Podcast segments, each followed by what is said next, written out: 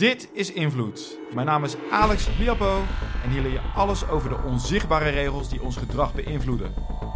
Vandaag praat ik met Eva van der Broek. Zij is gedragseconoom aan de Universiteit van Wageningen.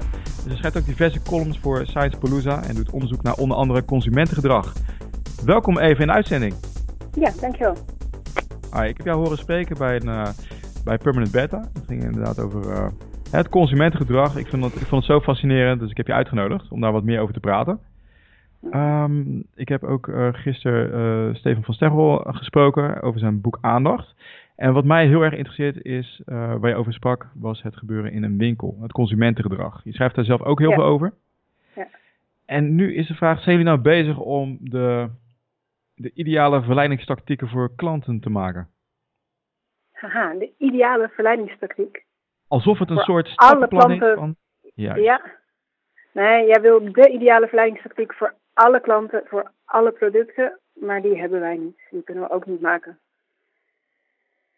Maar jullie zijn wel op weg. Um, we proberen wel zo nu en dan. Nou, we proberen zo nu en dan om te zien wat specifieke veranderingen in een winkelschap bijvoorbeeld. Dus denk aan de positie of de kleurstelling of dat soort dingen. Wat dat voor effect heeft op de keuzes van klanten. En Ja. ons doel van Wageningen UR is uh, om klanten te verleiden om een wat duurzamere of een wat gezondere keuze te maken. Ja, maar je schreef Daar ook van... eh. Ja. Wat je ook schreef was, het liefste heb je een winkel waarbij je gewoon niet zoveel geld kwijt bent. Je weet precies uh, waar alles ligt. Bent er zelf Mhm. doorheen, zonder verleid te worden.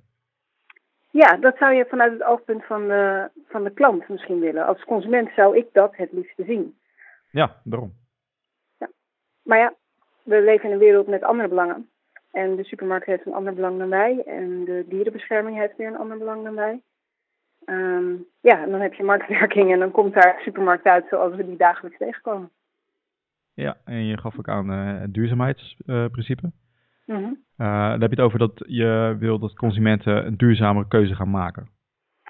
Ja, dus um, denk aan uh, bijvoorbeeld ietsje minder vlees eten of vlees eten dat op een uh, fatsoenlijkere manier tot stand gekomen is. Of denk aan uh, ja, keuzes die uh, de consument zelf gezonder maken. Ook dat is duurzaam. Kun je zo zien. Maar komt dan een, dus komt dan een supermarkt naar jullie toe die zegt, joh, we willen dit, we willen dit bewerkstelligen, help ons daarbij? Ja, zo nu dan. Ja, we, we, we hebben een model waar we veel mee werken. Want wat supermarkten uh, er nu dan proberen is om verschillende uh, varianten door te voeren van hun eigen supermarkt. Dus zeg, ze leggen de straatjes eens aan het begin van de winkel om te zien of er nog meer van verkocht worden. En dat Ja. doen in een echte supermarkt is natuurlijk best lastig. Dan moet je uh, het schap ombouwen. Wat wij daarvoor hebben is een, uh, een door Wageningen UR ontwikkelde soort van nep-supermarkt, een virtuele omgeving. Dus waar je met een virtual reality bril doorheen kan lopen. En daarin kun je natuurlijk heel makkelijk een schap verplaatsen. Ja, en zo kan je dus zorgen uh, dat, het, dat het optimaal wordt. Ja, dan kun je op zijn minst onderzoeken wat het effect ervan is. Okay. Op een bepaald is, type klanten, ja. Is niet al heel veel bekend op dit moment? Hè, van ja, er is plaatsen. ontzettend veel bekend. Ja. Ja, Dus, uh, uh, maar ja, wat, wat, wat de... is, ja. ja? Nou, ik vraag me af van uh, welke, welke steden moeten nog worden omgedraaid? Waar, ah, wat wat, zijn, wat wat zijn nu opmerkelijke dingen waar jullie mee bezig zijn? Um, ik zoek even naar de voorbeelden waar ik uh, wat zinvols over kan zeggen. Nou, één steen die ik zelf aan het omdraaien ben, is uh, eentje over het type informatie dat je consumenten geeft over wat er voor producten in de schappen liggen. En dan wederom vooral met een, uh, een duurzame insteek. Dus wat ik zelf heb geprobeerd is verschillende, nou zeg, steekkaartjes op fruit en groente plaatsen.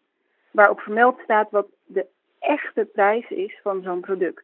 En met de echte prijs bedoel ik dan de prijs waarin ook gereflecteerd is dat er bijvoorbeeld heel erg veel water gebruikt is voor het um, verbouwen van de mango. Of dat die van heel erg ver is moeten komen met het vliegtuig waarbij er een heleboel kerosine is uh, gebruikt.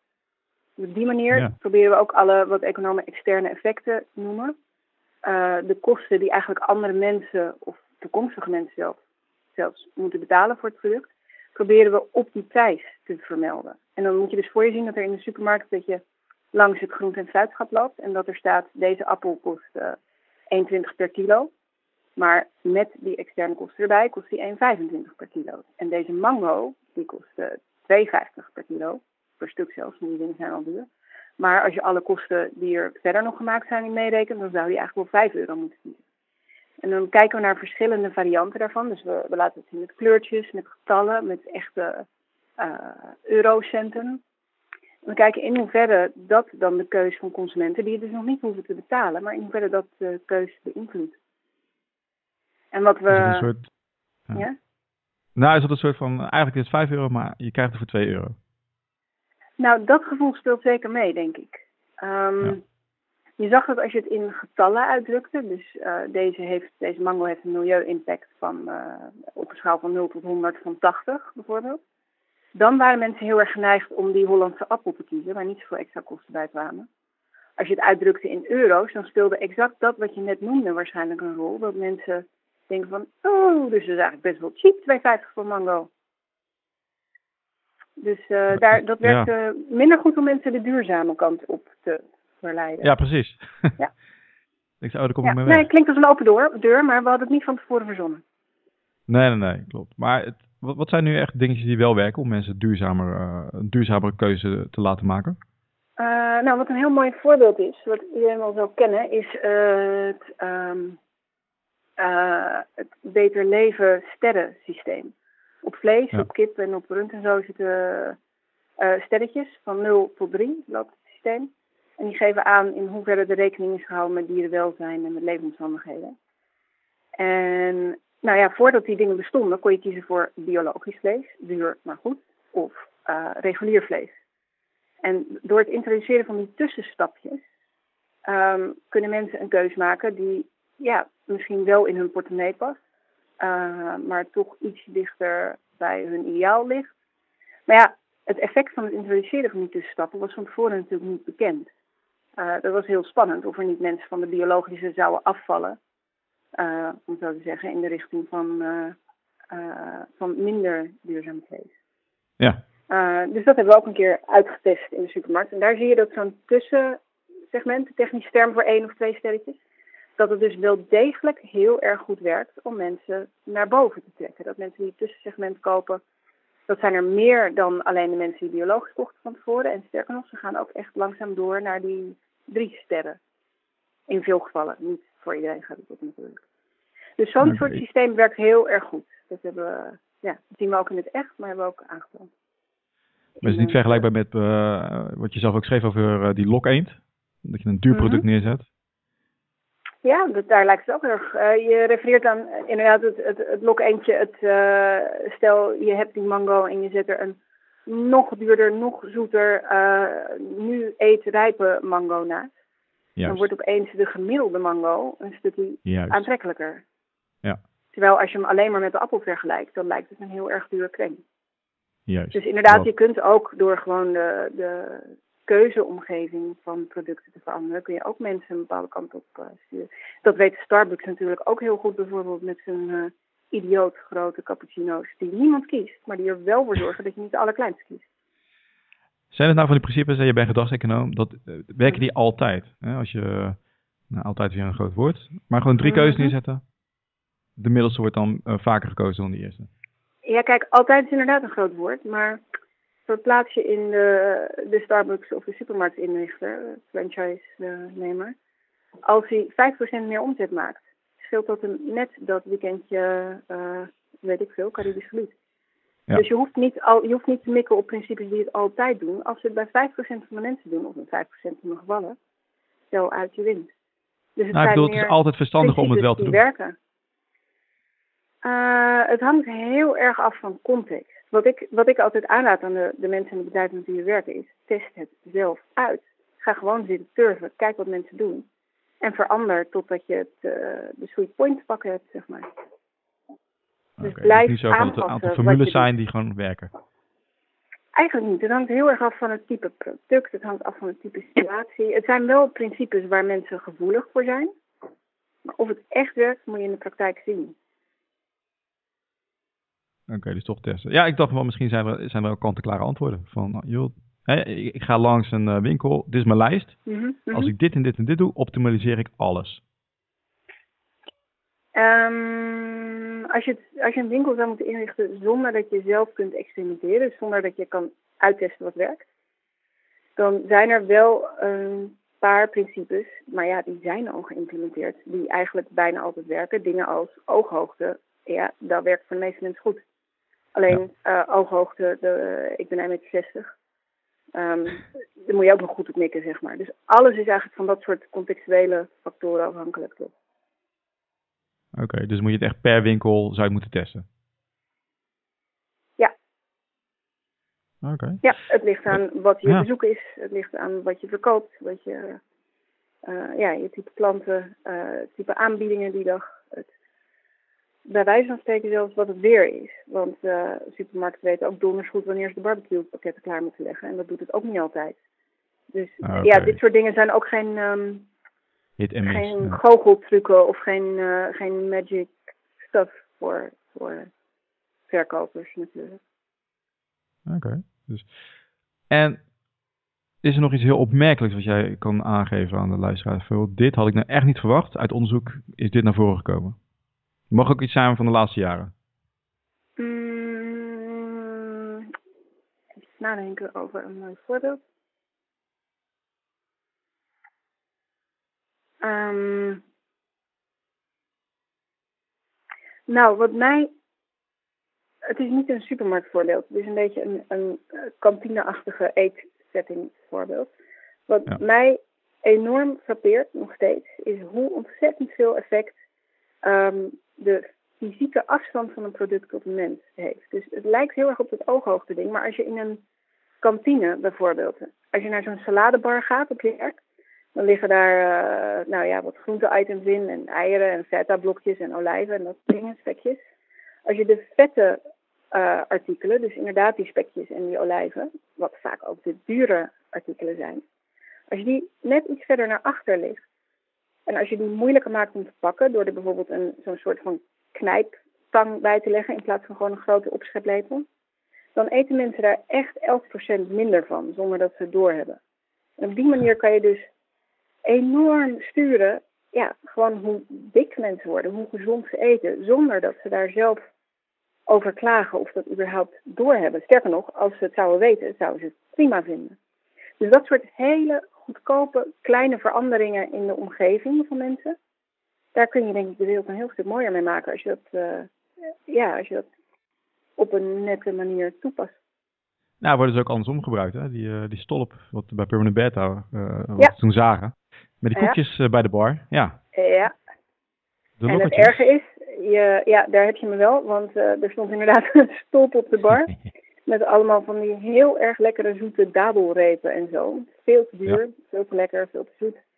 Uh, en wat doet uw gedragseconoom ter plaatse? Die koopt meteen zo'n ding. Dus ook al Precies. weet ik het, ik val er toch voor. Ja, is, dat, is dat de verklaring? Is het nou zo van, joh, je kijkt naar zo'n ding, je lichaam die ziet al, hé, dat is zoet. Eh, die gaat al zijn bloedsuikerspiegel laten dalen, waardoor je dus nog meer trek krijgt. Is dat iets Ja, wat jullie ook bij betrekken? Hoe het fysiek werkt, heb ik zelf niet heel veel kijk op. Ehm, mm, eh, maar ja, je ziet zo'n. Je hebt het verschil tussen bewuste en onbewuste processen en lichamelijke processen natuurlijk. Ja. En die bewuste processen van eh, ik ga de komende week wat minder dat en dat eten of wat meer geld uitgeven aan dat en dat. Ja, dat is één manier om tot keuzes te komen en het beïnvloeden daarvan. Ik zit heel erg op die onbewuste manier van leg de spullen wat verder weg en mensen pakken het niet eens meer. Maar ja, je Ja. hebt inderdaad, onder dat onbewuste zitten al die, die fysiologische processen. Uh, gaat je hart er harder van kloppen, bij wijze van spreken? Zeker speelt dat een enorme rol. Nou, misschien eh, dat mensen zich minder schuldig voelen. Dat ze het al weten van, joh, luister, mijn lichaam die gaat signalen afgeven, waardoor ik bijna, dat, eh, dat ik het wel bijna moet eten. Ja, dan, dan ben je dus aan het helpen. rationaliseren wat je, wat je lijf doet. Dan zeg je, ik merk dat ik nu heel erg behoefte heb aan zout. Suiker, Ja. ja, kan zeker zo werken. Dat doen mensen sowieso, nee, maar niet, niet dat je Ze het lospakt. keus. Ja, ja, maar dan juist dat je jezelf beschermt er tegen. Zo bedoel ik. Ja, ja. Ja, het zou heel goed kunnen dat het zo werkt. Want anders is het alleen maar, oh, mijn wilskracht is slecht. Weet Ja. je wel? Terwijl het misschien helemaal niet zo is. Nee, misschien moet je het wel uh, onderkennen, inderdaad. Ja, heel vaak met dit soort bewuste processen is het zo dat mensen eerst de keus maken. om iets wel of niet op te eten of uh, het een of het andere product te kopen. En dan achteraf, als je er naar vraagt, gaan ze de gekste redenen verzinnen waarom dat zo was. Dan zeggen ze, ja, maar er stond toch een, uh, een logo op of zo? Of dan Ja. vragen we, hebt u inderdaad hebt u de lijst met ingrediënten gezien? En dan zeggen ze, ja, ja, ja, ja, ja heb ik gezien. Er zat, uh, zaten pinda's in. Terwijl als je dan kijkt wat hun oogbewegingen hebben gedaan, of als je gewoon kijkt wat je ze hebt laten zien, dan stond er niet eens een logo op of een ingrediëntenlijst. Oh, er wordt zelfs Dus bij mensen- verzonnen. Ja, mensen verzinnen, je vult, dat is ook wat Stefan je verteld zal hebben. Mensen vullen een enorme hoeveelheid informatie gewoon achteraf in. Zonder dat ze het daadwerkelijk gezien hebben. Ja, het is eigenlijk het fysieke, wat er fysiek afspeelt, Ja. kan ook een verklaring zijn. Nee, precies. Hè? Wat is dan volgens Ja. jou de verklaring van, eh, je legt het verder weg, 11% wordt minder, wordt minder gepakt. Gewoon puur de barrière van, ik heb geen zin om nog een schep te doen. Ehm, ja, puur die barrière, maar er zit natuurlijk iets achter of onder. Ja, de, ik denk wel degelijk dat we een vorm van neuronale afwegingen, dat klinkt heel erg flauw, maar eh eh, zeg neuroontjes die tegen elkaar opboksen, maar dan iets minder eh, plastisch, maken tussen hoeveel moeite het kost om iets te pakken en hoeveel beloning het geeft om het in Ja. te stoppen. En ja, die afwegingen die zijn op de een of andere manier gefine-tuned door heel erg jarenlange evolutie. Die maakt iedereen anders, afhankelijk van bewuste processen die er overheen gaan. Maar iets in die afweging, ja, die heeft ook gewoon met afstand moeite. En moet ik mijn hand onder dat glazen plaatje doordoen en dan heel moeilijk met een pincet dat feta-blokje gaan zitten pakken. Ja. Dus ja, moeite. En doen jullie ook wat met muziek of zoiets, van, eh, in een winkelsetting? Of dat je zegt, nou, Ja, ik heb eh, een keer een eh, leuke vraag. Ja, ik heb een keer een student gehad die onderzoek deed naar eh, in hoeverre de snelheid van de muziek, dus echt beats per minute, beïnvloedt hoe lang je in de supermarkt blijft en hoe lang je doet over de keuzes die je maakt. En dan Ja. natuurlijk wil de supermarktmanager dat je zo lang mogelijk blijft, want hoe langer, hoe meer producten in het algemeen. Niet helemaal een gouden regel. Ehm, maar er kwamen niet echt heel duidelijke resultaten uit. Eh, ja, de, we, we hebben heel extreme dingen geprobeerd. Dus hele trage muziek en hele snelle muziek en allebei best wel hard. Maar je zag niet heel duidelijke verschillen in wat mensen kochten en hoe lang ze daarover deden. Oké, ik had wel daar wat meer ze van verwacht. Ja.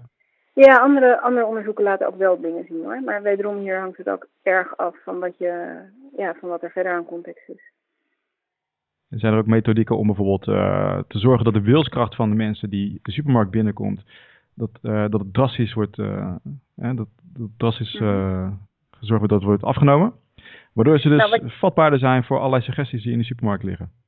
Ehm, wat ik daarom zou doen, is een soort van ehm, kamertje inrichten voordat je de supermarkt ingaat. En daar mensen zo lang mogelijk houden. Als in zorg dat ze hongerig die supermarkt ingaan. Eh, trek mensen rond een uur of zes, zeven. Want dat is het moment waarop ze impulskoop aankopen doen. Die dingen die niet op hun lijstje, een boodschappenlijstje stonden, of het nou echt of mentaal was. Die worden voornamelijk gekocht als mensen echt hongerig zijn. Dus inderdaad de, de bloedsuikerspiegel uh, doen. Ja, ik dacht Maar ja, voor daar heb je mentale, weinig- mentale taak bijvoorbeeld. Ja, dat je zorgt dat ze mentaal eh, een, een vraaggesprek moeten doen of iets. Dat ze denken, ja, weet je wel, ik heb heel veel vragen moeten beantwoorden. Ik heb heel vaak nee moeten zeggen. Ja. Kost mij Nou, wilskracht. Nu ga ik winkelen. Wat gebeurt er nu? Ja, er zijn wel uh, pijnzen wat je daarvoor zou kunnen toepassen. Inderdaad, je kan mensen gewoon uitgeput maken. Hoewel het onderzoek waar dat die wilskrachtspier waar je het over hebt, dat is laatst niet gerepliceerd. Dat is een van die grote crisis uit de psychologie. Hmm. Uh, dat is een mooi onderzoek, maar het, is, ja, het lukt mensen niet om het na te doen. Dus het lijkt toch niet alsof je die spier kunt uitputten. Maar stel dat het zo is, is dat een methode. Ander, andere gedachten zou zijn om mensen ja, het voet in de door principe, wat een, een salesman natuurlijk ook toepast. Eerst iets Ja. heel kleins uh, aan te bieden of te laten kopen. En ze dan het grotere spul te aan te bieden. Ja. Dus om concreet te zijn, je geeft ze een heel klein stukje van de nieuwe chocoladesmaak en zegt, kijk, deze reep, uh, als u er twee koopt, krijgt u er eentje gratis. Dus dat soort eerst klein dan groot, dat werkt ook nog steeds bij de meeste mensen heel erg goed. Ook bij mij. Dat is gelijk de wederkerigheidsregel, waar je ook onderzoek naar gedaan hebt. Ook dat. Je geeft eerst Ja. weg en dan zijn mensen meer geneigd om ook voor jou iets te doen. Maar ja, het is natuurlijk de vraag in hoeverre het doen van een boodschap inderdaad een, een gunst is aan de supermarkt. Of mensen dat zo ervaren. Ik niet heel sterk. Ja, ik denk bewust. niet, oh wat lief onbewust. van die supermarkt. Ja, dat is waar. Ehm, Dat is de vraag, ja. tussen mensen werkt het heel erg goed zo. Als je echt tussen individuen kijkt. Maar het kan heel goed dat mensen onder de supermarkt als een meneer zien. Of een mevrouw. Ja, interessant. Laatste korte vraag. Dat onderzoek over het wilskracht, zeg jij dus, dat, is niet, dat kunnen ze niet meer eh, nadoen. Nee, Oké, en dat, eh, welk onderzoek was het precies? Dat ging over dat, ze, eh, dat je dus inderdaad je wilskracht kunt uitputten. Ja, er is een, eh, het, het, er is een prachtig populair wetenschappelijk boek dat Willpower heet, van Baumeister, Ja. een Amerikaan. En ehm, ja, dat, dat drijft op één onderzoek, ik geloof wel uit de jaren 80 of zo uit mijn hoofd. Ehm, waarin die laat zien met best een relatief grote groep mensen, dat je inderdaad die wilskracht spier, dat je die te veel kunt laten doen, waardoor je later niet meer eh, de wilskracht op kunt brengen. Het zit ook in het gewone taalgebruik. Ja. Om nog een keer jezelf in te houden of iets moeilijks te gaan doen. Ja. En ja, ik weet niet meer het exacte taakje, maar dat, dat is op, echt op 15 verschillende plekken daarna geprobeerd te, na te doen. Dus met dezelfde groep mensen de, exact dezelfde setting na te doen. En het lukt maar niet. Ze krijgen niet dat effect dat als je eerst al iets moeilijks hebt gedaan, dat je daarna minder wilskracht overhoudt. Dus misschien was het een toevalstreffer. Maar er is echt. Ik, daar ik zijn, ervaar het wel eh, zo namelijk. Dus fascinerend dat ja, het zo... ik eh, ook. dat het- Ja. ja. Nee, dat zijn gekke Hmm. dingen inderdaad. Maar het is ook waarom Ja. het waarschijnlijk aangenomen hè. Pas later geprobeerd is om, te, om na te doen. Mensen denken ook dat het zo werkt. Ik heb ook die intuïtie. Nee, ik heb al de afwas gedaan, dan hoef ik niet ook nog te gaan sporten. Ja. Het, het voelt alsof je een soort van mental account, een soort van eh, lijstje bijhoudt met hoe zwaar de dingen zijn die je al hebt gedaan. Of je daardoor uitgeput raakt. Maar nou, het lijkt er niet op. Fas- fascinerend. Dat klopt voor mij heel erg goed namelijk. Ja. Back to the drawing board.